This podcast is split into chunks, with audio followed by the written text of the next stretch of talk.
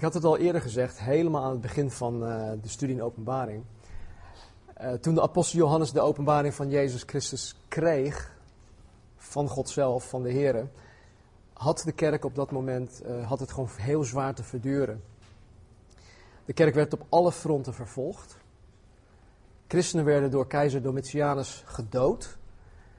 En Johannes zelf was ook verbannen op het um, eiland Patmos op het moment van schrijven. En hij was verbannen omwille het evangelie. De kerk dat op, uh, op het moment van schrijven zo'n 60 jaar jong was, die had echt bemoediging nodig. De kerk had een boodschap van hoop nodig, van, um, ja, van kracht, want het zag er allemaal heel erg somber, somber uit. Dus op het moment dat de kerk bemoediging en hoop gewoon keihard nodig had, gaf God de openbaring van Jezus Christus aan Johannes. Trouwens, de enige apostel van Jezus Christus die op dat moment nog leefde. Alle andere apostelen werden al uh, gemarteld. Nou, vanmorgen pakken wij de, de studie op in Openbaring 14. Wat voor de kerk van toen en ook voor de kerk van nu gewoon zeer bemoedigend is. Maar voordat we de tekst met elkaar gaan doornemen, wil ik een moment nemen om uh, nog even te, te peilen waar wij ons in de openbaring bevinden. Nou, deze slide heb ik al vaker laten zien. Uh, op deze slide zien wij de algehele indeling van het boek Openbaring. Uh, Johannes, of Jezus zegt tegen Johannes in Openbaring 1, vers 19: Schrijf nu op wat u hebt gezien, wat is en wat hierna zal geschieden. Het wat u hebt gezien, dat doelt op Openbaring hoofdstuk 1. Het wat is, doelt op Openbaring 2 en 3. Dat is het tijdperk van de gemeente, de kerk. Uh, de periode vanaf handelingen hoofdstuk 2 tot aan de opname van de kerk wat nog komen moet. En wat hierna zal geschieden, dat doelt op de rest van het boek Openbaring. Dus eigenlijk vanaf hoofdstuk 4 tot en met hoofdstuk 22. En wij bevinden ons momenteel in hoofdstuk 14, waarvan de gebeurtenissen zich tijdens de, de verdrukking of de grote verdrukking afspelen. En dat zien wij hier op deze slide. In grote lijnen um, is de, um, de volgorde dus wat u hebt gezien, wat is en wat hierna zal geschieden. Nou, het lastige, ik weet niet of jullie het ook lastig vinden, maar ik vind het lastig. Uh, het lastige van het boek Openbaring is dat de gebeurtenissen niet opeenvolgend voor ons geordend zijn. Eh, bijvoorbeeld als we Genesis nemen, dan beginnen we met de schepping. En het gaat gewoon opeenvolgend door tot, tot het eind. En dan pakt uh, Exodus het weer op. Het, er zit een volgorde in. Met openbaring is dat niet het geval. De zevenjarige periode van de verdrukking begint in het boek zelf, in hoofdstuk 6. En het eindigt met hoofdstuk 18. Dus hoofdstuk 6 tot en met hoofdstuk 18, dat omvat de periode van de verdrukking. Maar niet alles dat in deze 13 hoofdstukken geschreven staat, volgt de chronologie. Oftewel, niet alles hierin is opeenvolgend uh, geordend. Um, we hebben bijvoorbeeld in hoofdstuk 6 zien wij de zes, zegel, de uh, ja, zegels. Dat volgt wel een chronologische volgorde. Hoofdstuk 7 is dan weer parenthetisch. Hoofdstuk 8 en 9, de bazuinen, dat zijn, uh, die volgen wel um, uh, de chronologische volgorde. 10 tot en met 11 vers 14 is weer parenthetisch. 11, 15 tot en met 19 is weer chronologisch. Hoofdstukken 12 tot en met 15 zijn parenthetisch. 16 is weer chronologisch. 17 en 18 parenthetisch. En dan sluiten we af met de grote verdrukking in hoofdstuk 19. Nou, voor ons begrip, en ik denk dat het ook makkelijk is voor mij in ieder geval. Ik ben er gewoon wekelijks mee bezig. Maar het is voor mij makkelijk dat wij de chronologische volgorde aanhouden uh, wat hier staat. Um, hè, dus eerst komen de zeven zegels, die hebben we inmiddels behandeld. Dan komen de zeven bezuinen, die hebben we ook behandeld. En vervolgens komen de zeven schalen, die, die, vinden we, die, die zijn allemaal terug te vinden in hoofdstuk 16. En Casper gaat die over twee weken uh, gaat hij hoofdstuk 16 behandelen. Dus alles dat Johannes in het boek Openbaring tussen de zeven zegels, de bazuinen en de schalen in vastlegt, is parenthetisch. En deze parenthetische schriftgedeelten uh, omschrijven de details van specifieke gebeurtenissen die tijdens het oordeel van de zeven zegels, de zeven bezuinen en de zeven schalen plaatsvinden. Het is dus zo dat wanneer wij de 144.000 verzegelde Joden in Openbaring 7 tegenkomen, dat hebben we al een aantal maanden geleden gedaan, dan vindt dit ergens aan het begin van de, van de, van de verdrukking plaats. Ondanks dat wij het pas in hoofdstuk 7 lezen. Dus het, begin, het, het vindt dus echt plaats aan het begin. Nou, we komen de 144.000 verzegelde, verzegelde Joden vandaag in hoofdstuk 14 weer tegen. Alleen vindt dit plaats na de grote verdrukking, dus aan het eind van de verdrukking, bij de wederkomst van Jezus Christus. Dus alleen Gods veroordelingen door middel van de zeven zegels, de bezuinen en de schalen gebeuren opeenvolgend. Ja, de rest, wat, wat tussen hoofdstuk 6 en 18 uh, geschreven staat, dat zijn allemaal de parenthetische stukken. En de dingen die, daar, die wij daar lezen, die kunnen zowel aan het begin of in het midden of aan het eind van de verdrukking plaatsvinden. Dat, dat, dat schommelt heen en weer. Nou, vanmorgen bevinden we ons in hoofdstuk 14. En dat is nog steeds een parenthetisch hoofdstuk. Um, of een ja, parenthetisch hoofdstuk. En zoals ik zei, zal Casper um, hoofdstuk 16 gaan behandelen waarmee we de chronologie weer, weer oppakken. Uh, laten we lezen. We, we, doen vanmorgen eh, openbaring 14 vanaf vers 1 tot en met 13. En er staat, ik zag en zie het lam stond op de berg Sion. En bij hem 144.000 mensen met op hun voorhoofd de naam van zijn vader geschreven. En ik hoorde geluid uit de hemel als een geluid van vele wateren. En als het geluid van een zware donderslag. En ik hoorde het geluid van citerspelers die op een citers spelen. En ze zongen als een nieuw lied voor de troon, voor de vier dieren en ouderlingen. En niemand kon dat lied leren behalve de 144.000 die van de aarde gekocht waren. Zij zijn het die niet met vrouwen bevlekt zijn, want ze zijn maagden. Deze zijn het die het lam volgen waar het ook naartoe gaat. Deze zijn gekocht uit de mensen als eerstelingen voor God en het lam. En in hun mond is geen leugen gevonden, want ze zijn smetteloos voor de troon van God. En ik zag een andere engel die hoog aan de hemel vloog. En hij had, een eeuwig, hij had het eeuwige evangelie, om dat te verkondigen aan hen die op de aarde wonen, en aan elke natie, stam, taal en volk. En hij zei met een luide stem, vrees God en geef hem eer, want het uur van zijn oordeel is gekomen. En aanbid hem, die de hemel, de aarde, de zee, de waterbronnen gemaakt heeft. En een andere engel volgde die zei: Zij is gevallen, zij is gevallen, Babylon, de grote stad, omdat zij alle volken van de wijn van de toorn van haar hoererij heeft laten drinken. En een derde engel volgde hen, die met een luide stem zei: Als iemand het beest en zijn beeld aanbidt en het merkteken op zijn voorhoofd of op zijn hand ontvangt, dan zal hij ook drinken van de wijn van de toorn van God, die onvermengd is ingeschonken in de drinkbeker van zijn toorn en gepijnigd worden in vuur en zwavel voor het oog van de heilige engelen en van het lam. En de rook van hun pijniging stijgt op tot in alle eeuwigheid. En zij die het beest en zijn beeld aanbidden, hebben dag en nacht geen rust, evenmin als iemand die het merkteken van zijn naam ontvangt. Hier zien wij de volharding van de heiligen. Hier komen openbaar die de geboden van God en het geloof in Jezus in acht nemen. En ik hoorde een stem uit de hemel tegen me zeggen: Schrijf, Zalig zijn de doden die in de Here sterven.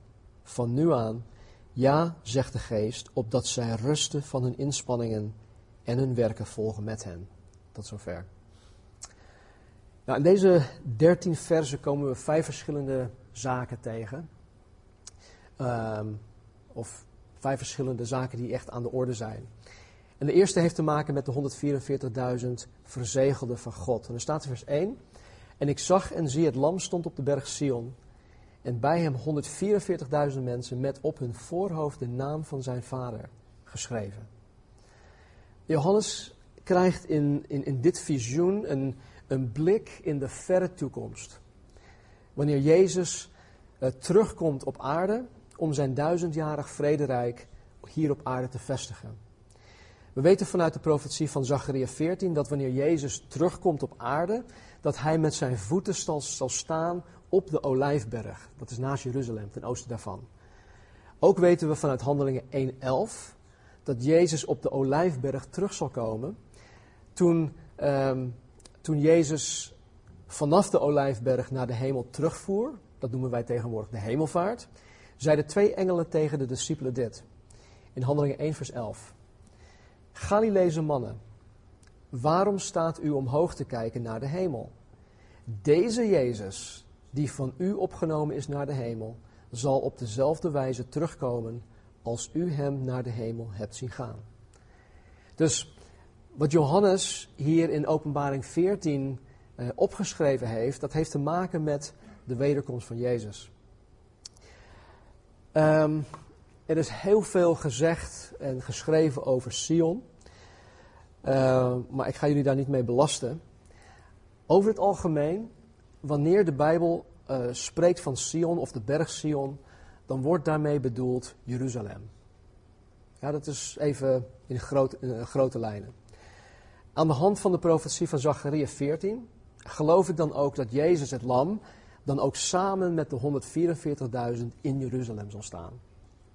En ik vind het wel grappig, want, of grappig, ik vind het wel heel bijzonder, dat op het moment dat Jezus terugkomt, dat die 144.000 al in Jeruzalem zullen zijn. Ik geloof echt dat de 144.000 de wereld over zullen gaan om het evangelie te gaan, gaan verkondigen.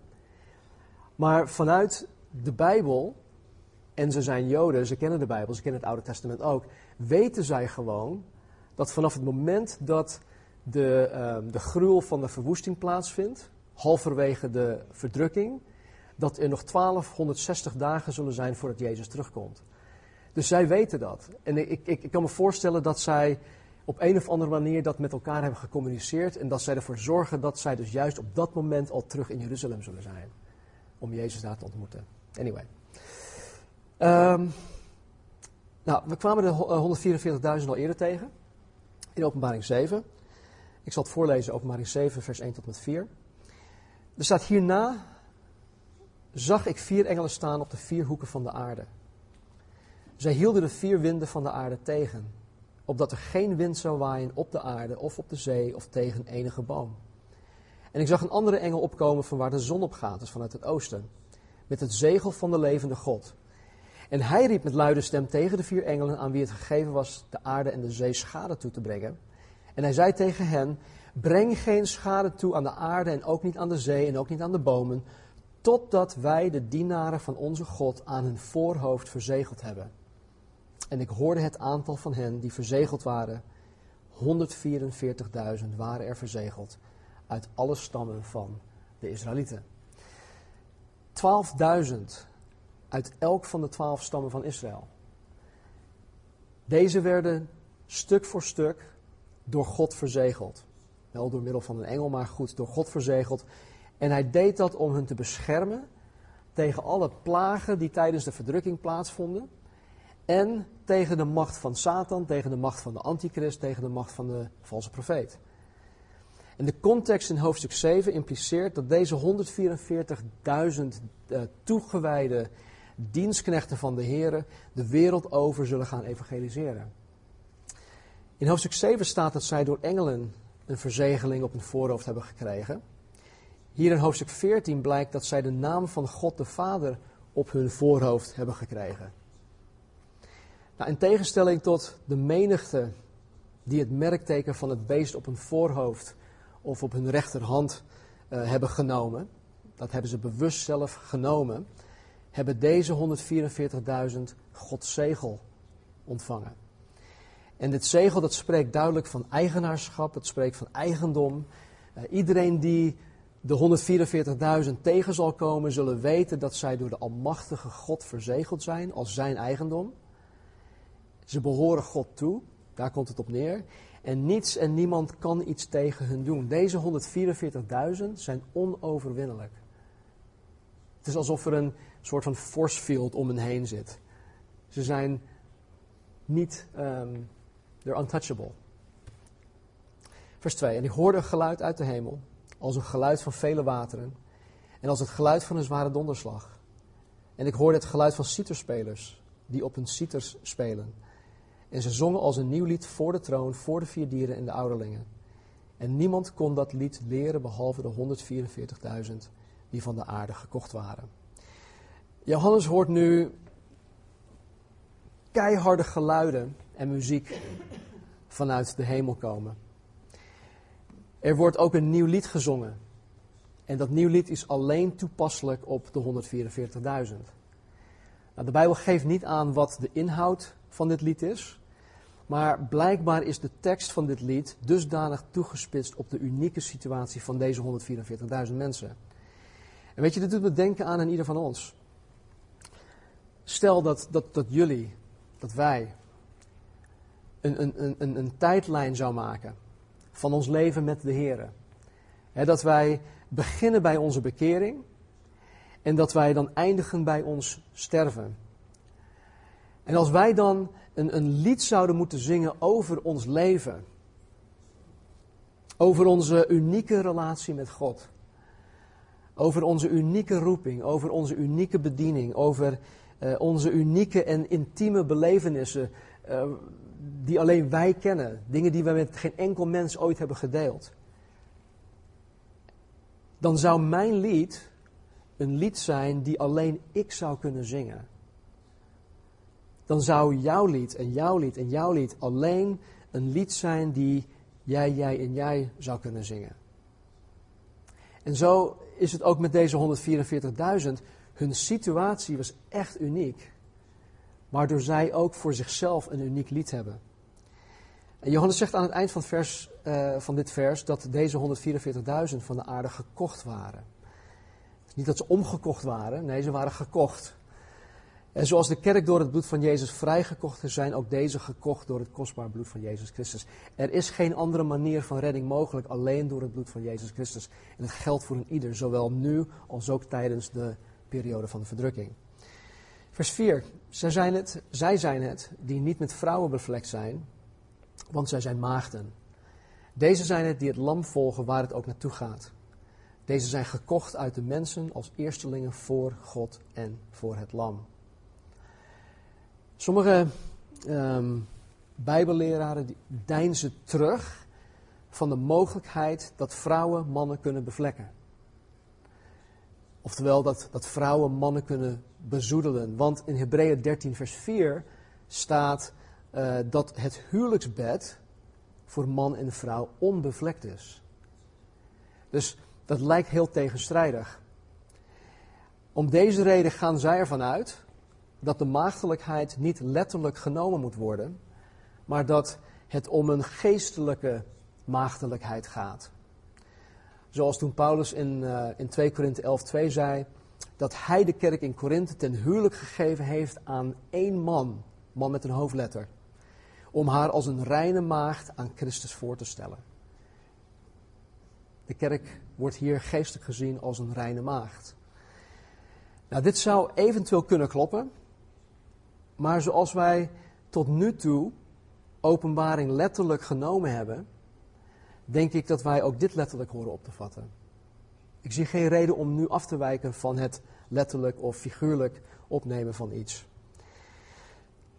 Um, vergeet niet dat de apostel Paulus zelf ongehuurd is gebleven. Hij zelf is ongehuurd gebleven en dat hij de Corinthiërs aanraadde om ook ongehuurd te blijven, mits zij zich daartoe um, geroepen wisten. De Heer Jezus zelf zei ook dat sommigen eunigen of de ontmanden zouden zijn. Niet enig, eunig. Of wat eunig. In Matthäus um, ehm, 19, vers 12 staat dit. Want er zijn, dit is Jezus die hier spreekt, er zijn ontmanden die uit de moederschoot zo geboren zijn. Er zijn ontmanden die door de mensen ontmand zijn. En er zijn ontmanden die zichzelf ontmand hebben omwille van het koninkrijk der hemelen.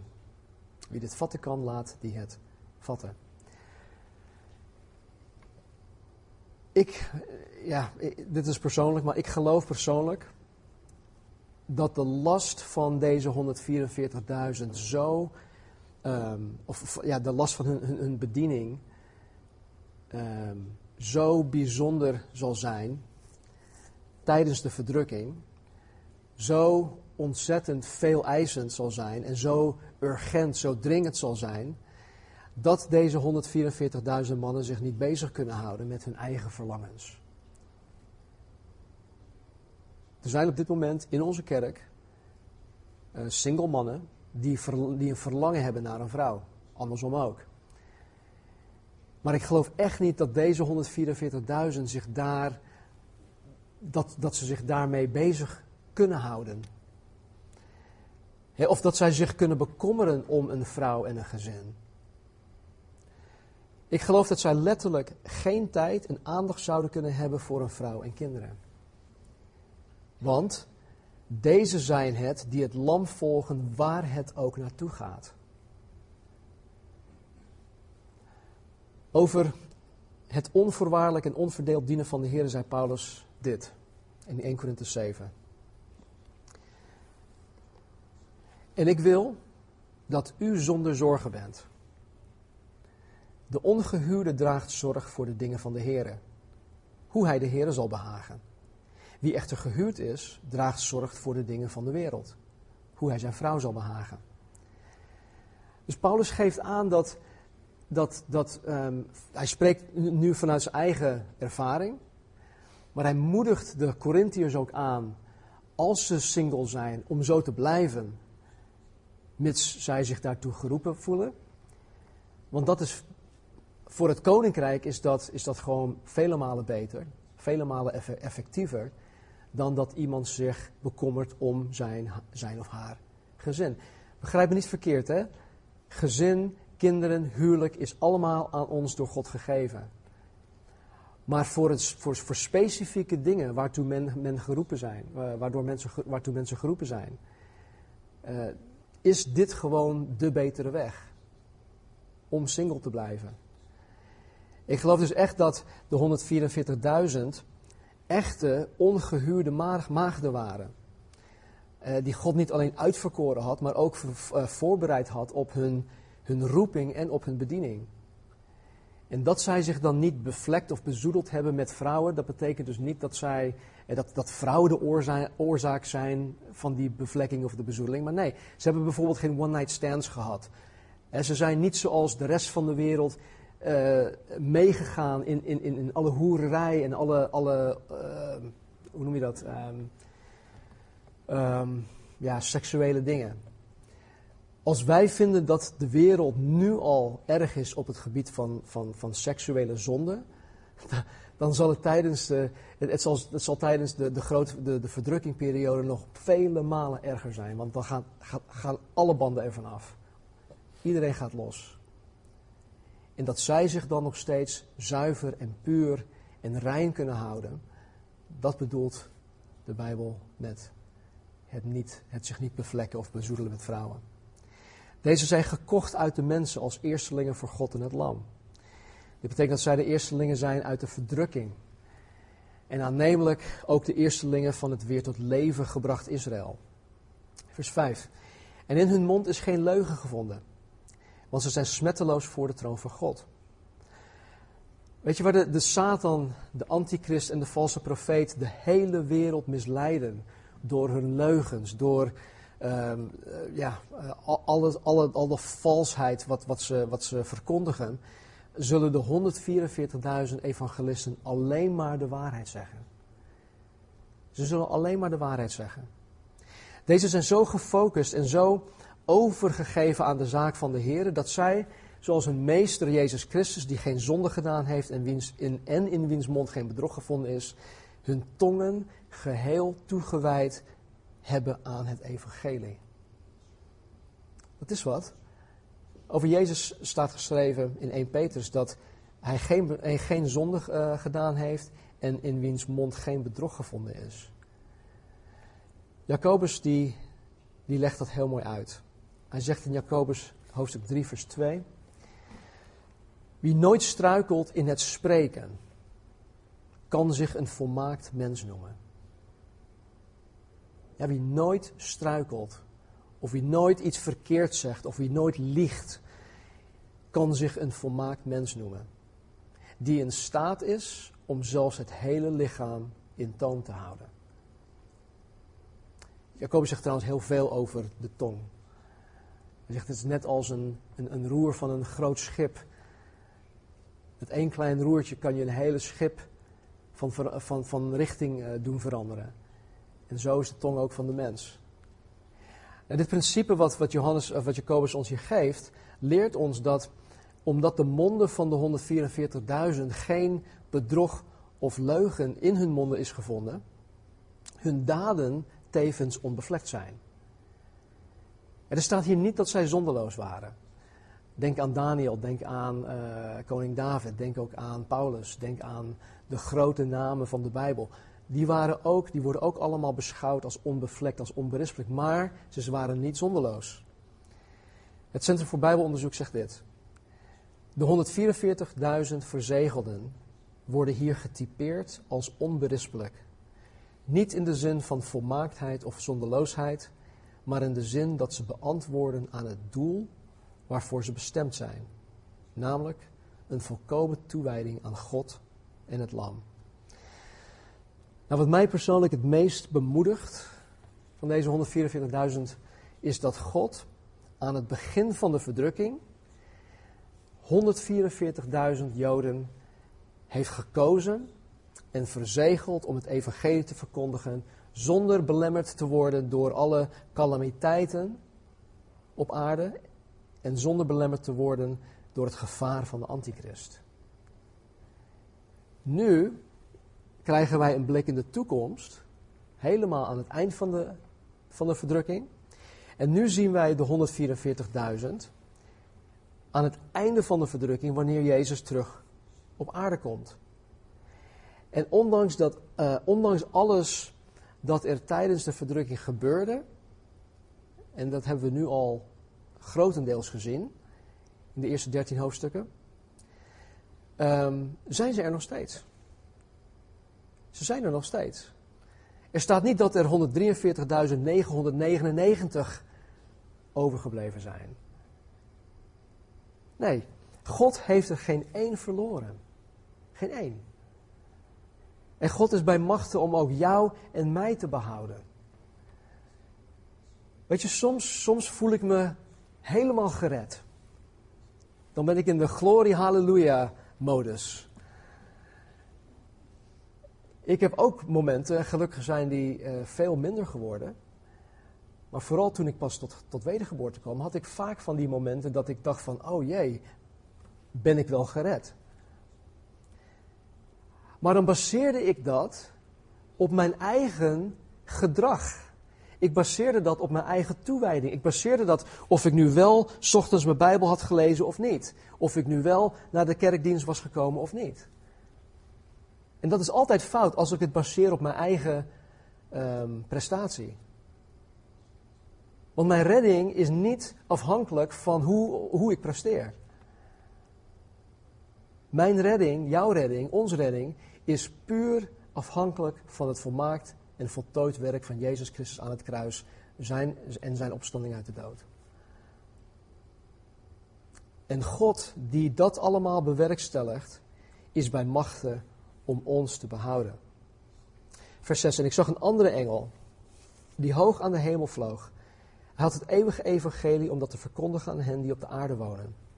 En aan elke natie, stam, taal en volk. God, die helemaal volledig rechtvaardig is, zal ervoor zorgen dat de hele wereld het evangelie te horen zal krijgen. En hij zal dat doen door middel van de 144.000 getuigen. De twee getuigen, degene die tijdens de verdrukking tot geloof zullen gaan komen, mochten ze nog niet eh, vermoord zijn. En door middel van deze engel. En deze engel zal ervoor zorgen dat iedereen, iedereen op aarde, van elke natie, stam, taal en volk, het evangelie in eigen taal en in eigen dialect te horen zal krijgen. Sommige uh, tv-evangelisten zeggen dat het de TBN-satellite is. maar het gaat, dus echt, het gaat dus wel echt om een engel. Het gaat niet om hun netwerk of hun satellietnetwerk. Jezus zei iets bijzonders en ik, uh, ik, ik, weet dat wij dit, dit vers kennen. Hij zegt, pas als het goede nieuws over het koninkrijk in de hele wereld wordt verkondigd als getuigenis voor alle volken, zal het einde komen. Het wordt wel eens gezegd, pas als de laatste persoon hier op aarde het evangelie gehoord heeft, boom, dan zal het einde komen. Of dan, zal, dan wordt de kerk opgenomen. Er zijn kerken die beweren dat wij de gelovigen op moeten schieten met het verkondigen van het evangelie. En want nogmaals, wat ik net zei, was zodra een ieder het heeft gehoord, zal Jezus komen op de kerk op te nemen. Maar Jezus heeft het hier niet over de opname. Hij heeft het hier in, vers, uh, in Matthäus 24 over zijn wederkomst. Wanneer hij terugkomt om zijn duizendjarige Messiasrijk uh, te vestigen. En ik geloof dat deze engel hiervoor zal gaan zorgen. Wat Jezus hier noemt. In het evangelie dat de engel, dat de engel brengen zal, wordt hier het, e-, het eeuwige evangelie genoemd. En dit geeft simpelweg aan dat het gewoon tijdloos is. Het is eeuwig, het is tijdloos, het is bestemd voor alle tijdperken. Het houdt ook in dat God uiteindelijk op aarde in gerechtigheid zal optreden. En het houdt in dat God uiteindelijk zijn soevereiniteit over de aarde zal uit gaan oefenen. Dat is onze toekomst. Vers 7. En hij zei met een luide stem, deze engel: Vrees God, geef hem eer, want het uur van zijn oordeel is gekomen. En aanbid hem, die de hemel, de aarde, de zee en de waterbronnen gemaakt heeft. Weet je, de, de, de boodschap dat de hele wereld van de antichrist en de valse profeet tijdens de verdrukking te horen krijgt, is om het beeld van het beest te aanbidden. De antichrist, de valse profeet, zal alle middelen inschakelen om ervoor te zorgen dat alle mensen die op de aarde wonen het beeld van het beest zullen aanbidden. Dat is de, de, de, continu, uh, is, is dat de boodschap. Nu komt de engel van God om juist het tegenovergestelde te gaan vertellen.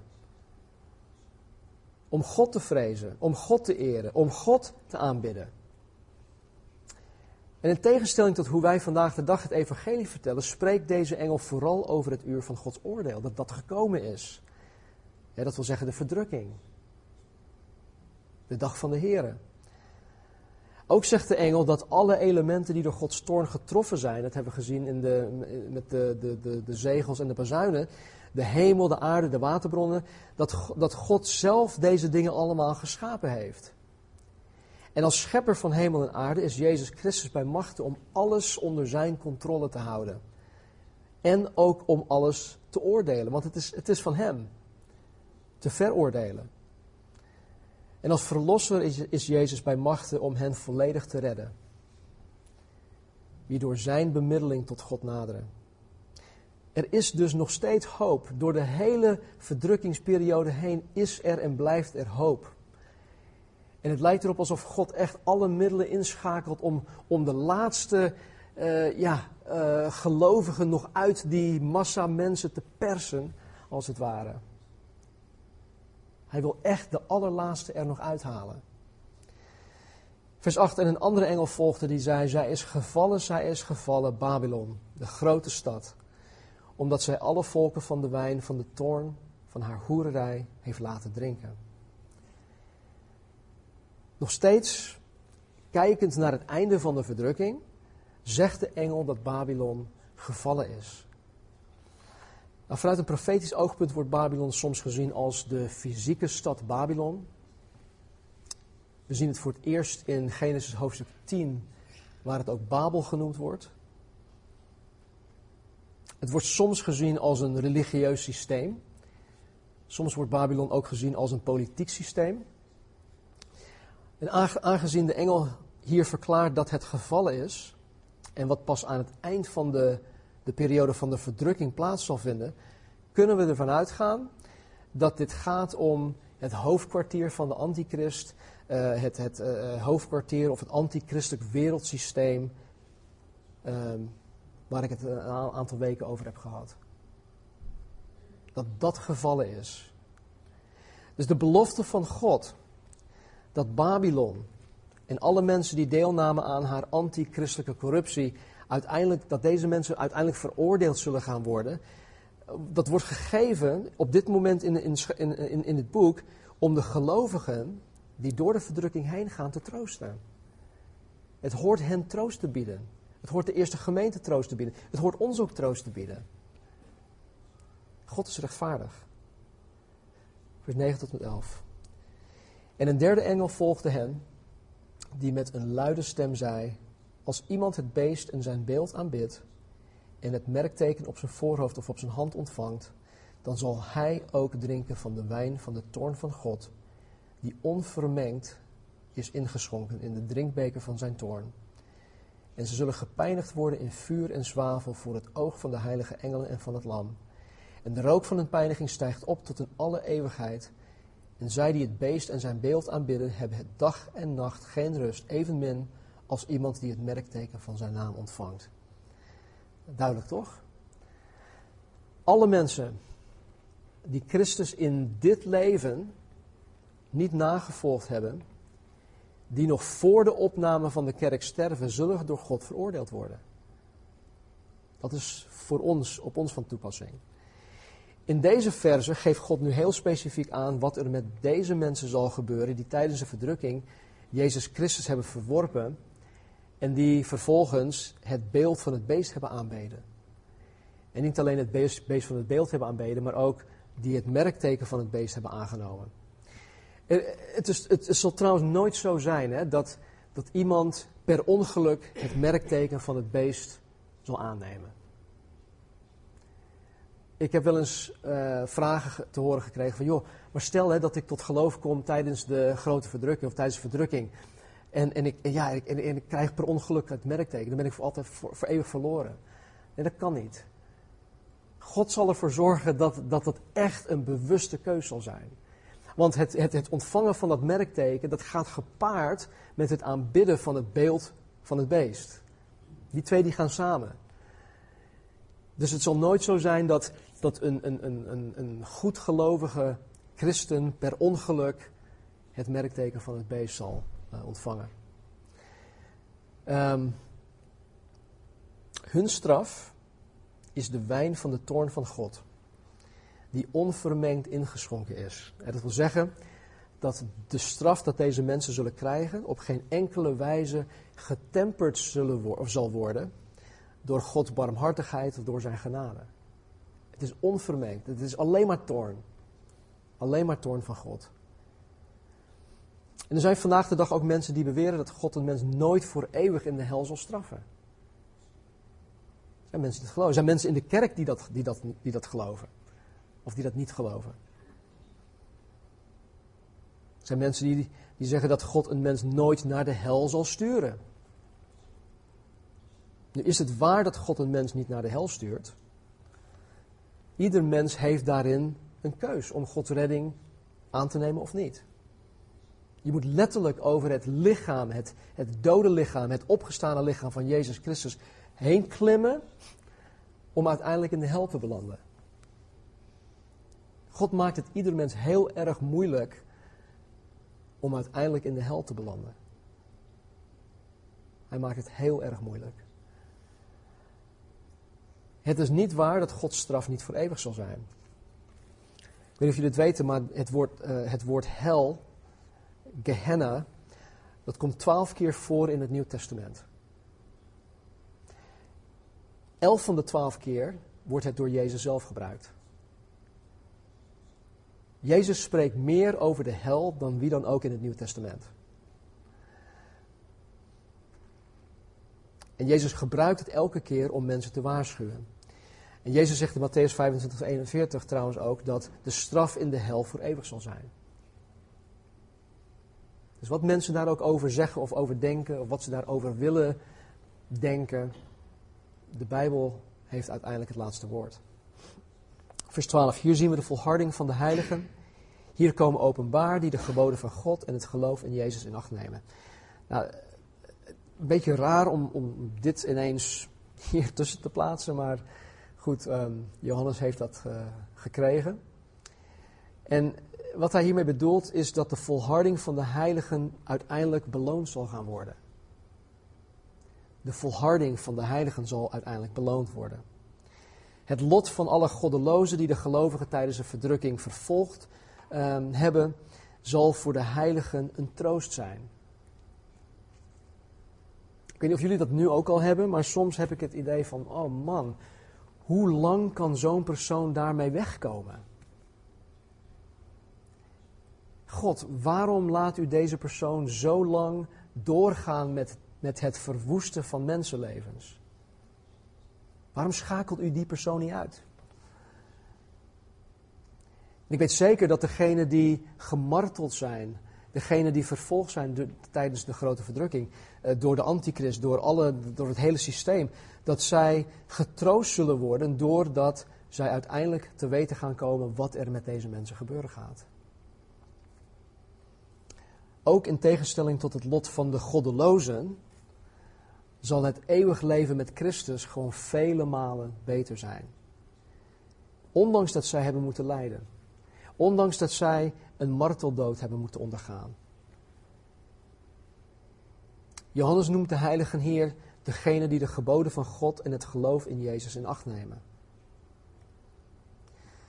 Weet je, als men, hè, dat, dat geldt voor vandaag de dag ook nog, als men beweert een christen te zijn, en dat, dat, kan, je, dat kan je peilen, dat, daar, daar kunnen wij over oordelen. Niet dat wij met een vergrootglas naar iedereen kijken zo, maar we kunnen wel bepalen of iemand daadwerkelijk christen is of niet. Want als men beweert een christen te zijn, dan zal zijn of haar christen zijn zich uiten in het in acht nemen van het woord van God. Gehoorzaamheid aan het woord van God. Het is echt, het, het is echt zo simpel, hè? Dat, dat als iemand zegt, ja, ik ben christen, maar ik, ja, ik, ik, ik gehoorzaam God niet, nou, dan ben je geen echte christen.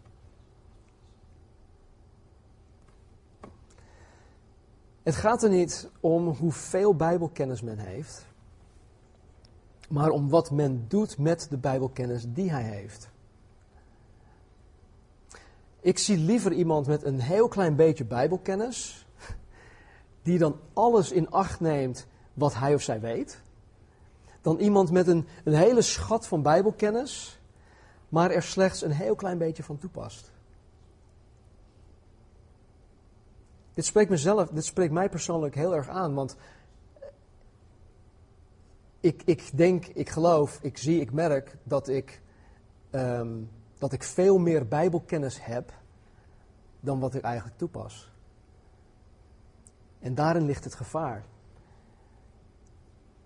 Ik, ik, ik, ik zou liever zijn als die blinde man die, wiens ogen door Jezus geopend waren in Johannes.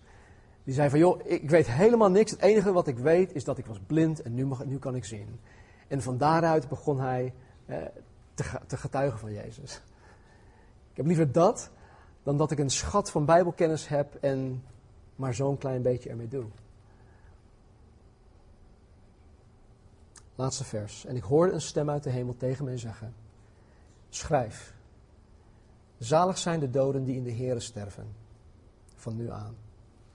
Ja, zegt de geest, opdat zij rusten van hun inspanningen en hun werken volgen met hen.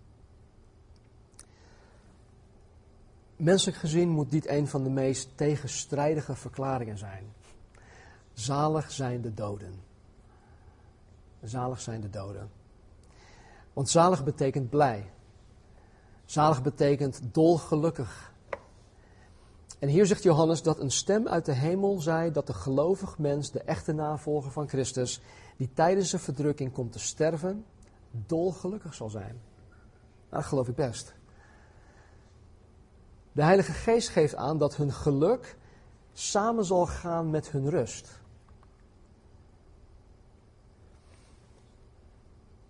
Wat, wat ik als christen anno 2017 meemaak, is niets in vergelijking met wat de christen tijdens de verdrukking mee zal maken. En, en, toch heb ik vaak heel sterk het verlangen naar rust, naar die rust. Rust van mijn inspanning. Kijk, inspanning is op zich niet verkeerd. Het is goed zelfs. We horen ons allemaal in te spannen omwille van het evangelie. Maar ik merk voor mezelf, ik spreek echt voor mezelf, dat 9 van de 10 keer wanneer ik me inspan, word ik op alle fronten tegengewerkt. En het zou soms gewoon heel fijn zijn als je jezelf gewoon op een, een, een, leuke, op een positieve manier in kan spannen zonder enige tegenwerking.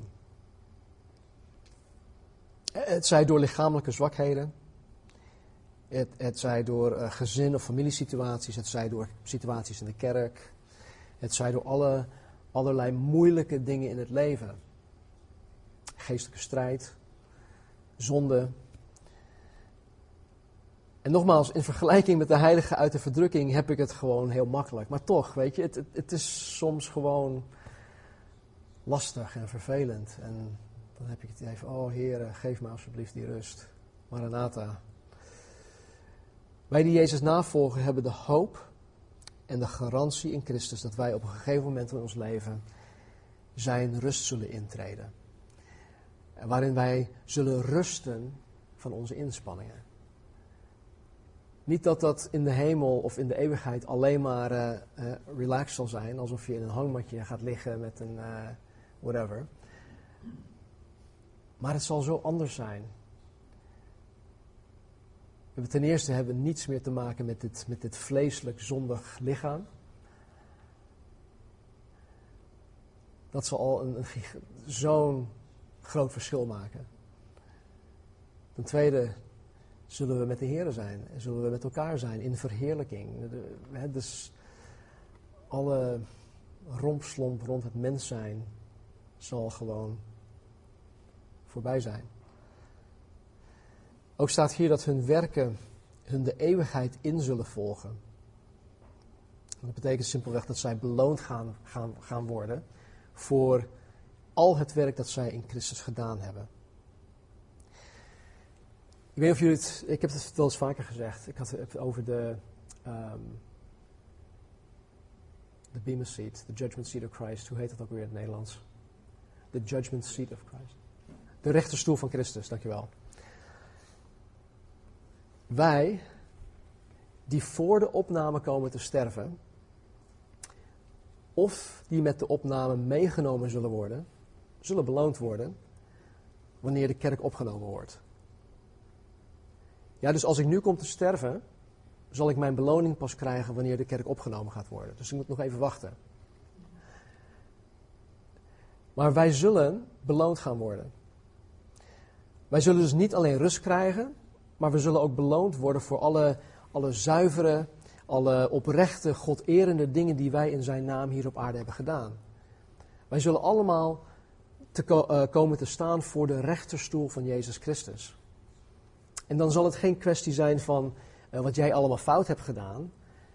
Nee, het zal een kwestie zijn, wat heb jij in mijn naam hier op aarde in jouw lichaam gedaan en daarvoor zullen wij beloond gaan worden. Uh, tot slot dit. Ondanks alle onvoorstelbare ellende dat de wereld te wachten staat, uh, dat staat ook allemaal vast, staan Gods beloften ook vast. Gods beloften staan vast. En God belooft dat Hij bij machten is een ieder te behouden die Hij verzegeld heeft. Ook wij gelovigen zijn verzegeld door de Heilige Geest.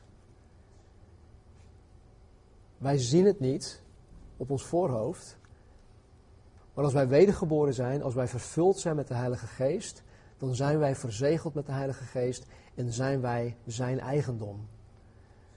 En Jezus zegt, niemand kan uh, die persoon die God hem gegeven heeft uit zijn hand wegrukken.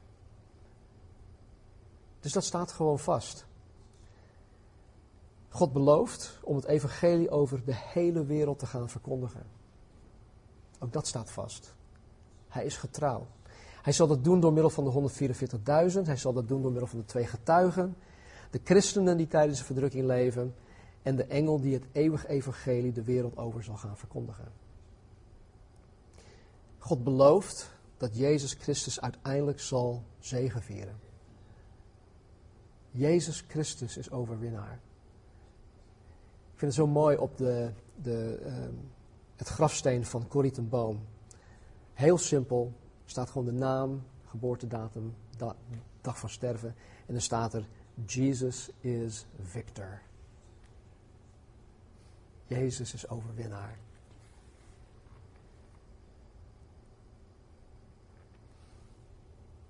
Dus God belooft dat Jezus Christus uiteindelijk zal zegevieren. En hij belooft dat Babylon, het religieus en politiek wereldsysteem van de, van de antichrist, zal vallen. Geen twijfel aan mogelijk. It's a done deal. God belooft dat de antichristelijke goddeloze mensen, die de heiligen vervolgd en gemarteld hebben, uiteindelijk voor eeuwig gestraft zullen worden. Wij willen dat niet, hè? Het is niet zo dat wij ehm, ja, op een hele gemene wijze dat, dat mensen toewensen. God zelf wil dat geen enkel mens verloren gaat. Maar mensen kiezen bewust om aan de kant van Satan, om aan de kant van de antichrist, om aan de kant van de valse profeet te staan. Daar kiezen ze bewust voor. Want ze zijn misleid. Ze worden misleid. Omdat ze de, de, de waarheid niet hebben willen aannemen. En tot slot, God belooft zaligheid. Dolgelukkigheid aan een ieder die Jezus onvoorwaardelijk navolgt.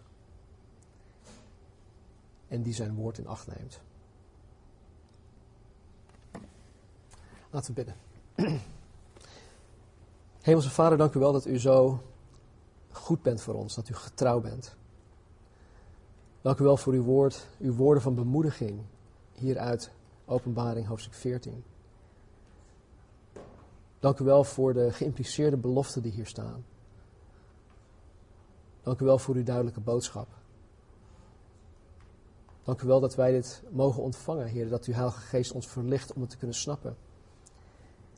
En dank u wel dat wij dit um, meegekregen hebben, Heer, om weer met anderen mee te delen. Dus Heer, laat ons doordrongen zijn van deze waarheden, van deze feiten. Heer, uw liefde gaat zo ver. Heer, zelfs tijdens de verdrukking, de grote verdrukking, zien we uw genade, uw barmhartigheid, uw liefde aan het werk om mensen alsnog, Heer, te proberen te redden.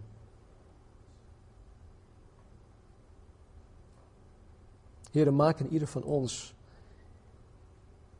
meer en meer zoals deze 144.000 zijn. Onbevlekt, getrouw, onberispelijk. Het lam volgend waar het lam ook naartoe gaat. Help ons, Heer, u na te volgen. Zoals Paulus zegt, het is de liefde van Christus die ons dringt. En dan niet de liefde die wij voor u hebben, heren, maar de liefde die u voor ons hebt. Dank u wel voor uw liefde. Dank u wel dat uw liefde ons nooit, um, dat, het, dat het nooit faalt. En dank u wel, Heer, dat u van een ieder van ons een, een, instrument hebt gemaakt. Heer, waardoor wij uw liefde met elkaar en met anderen mogen delen.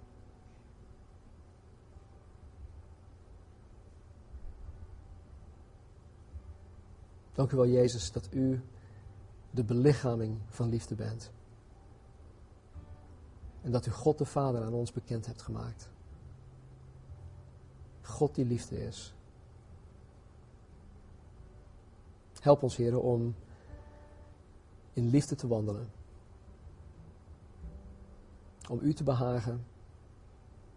Om elkaar te dienen. Om de wereld te bereiken. Dank u wel. Vraag in Jezus' naam. Amen.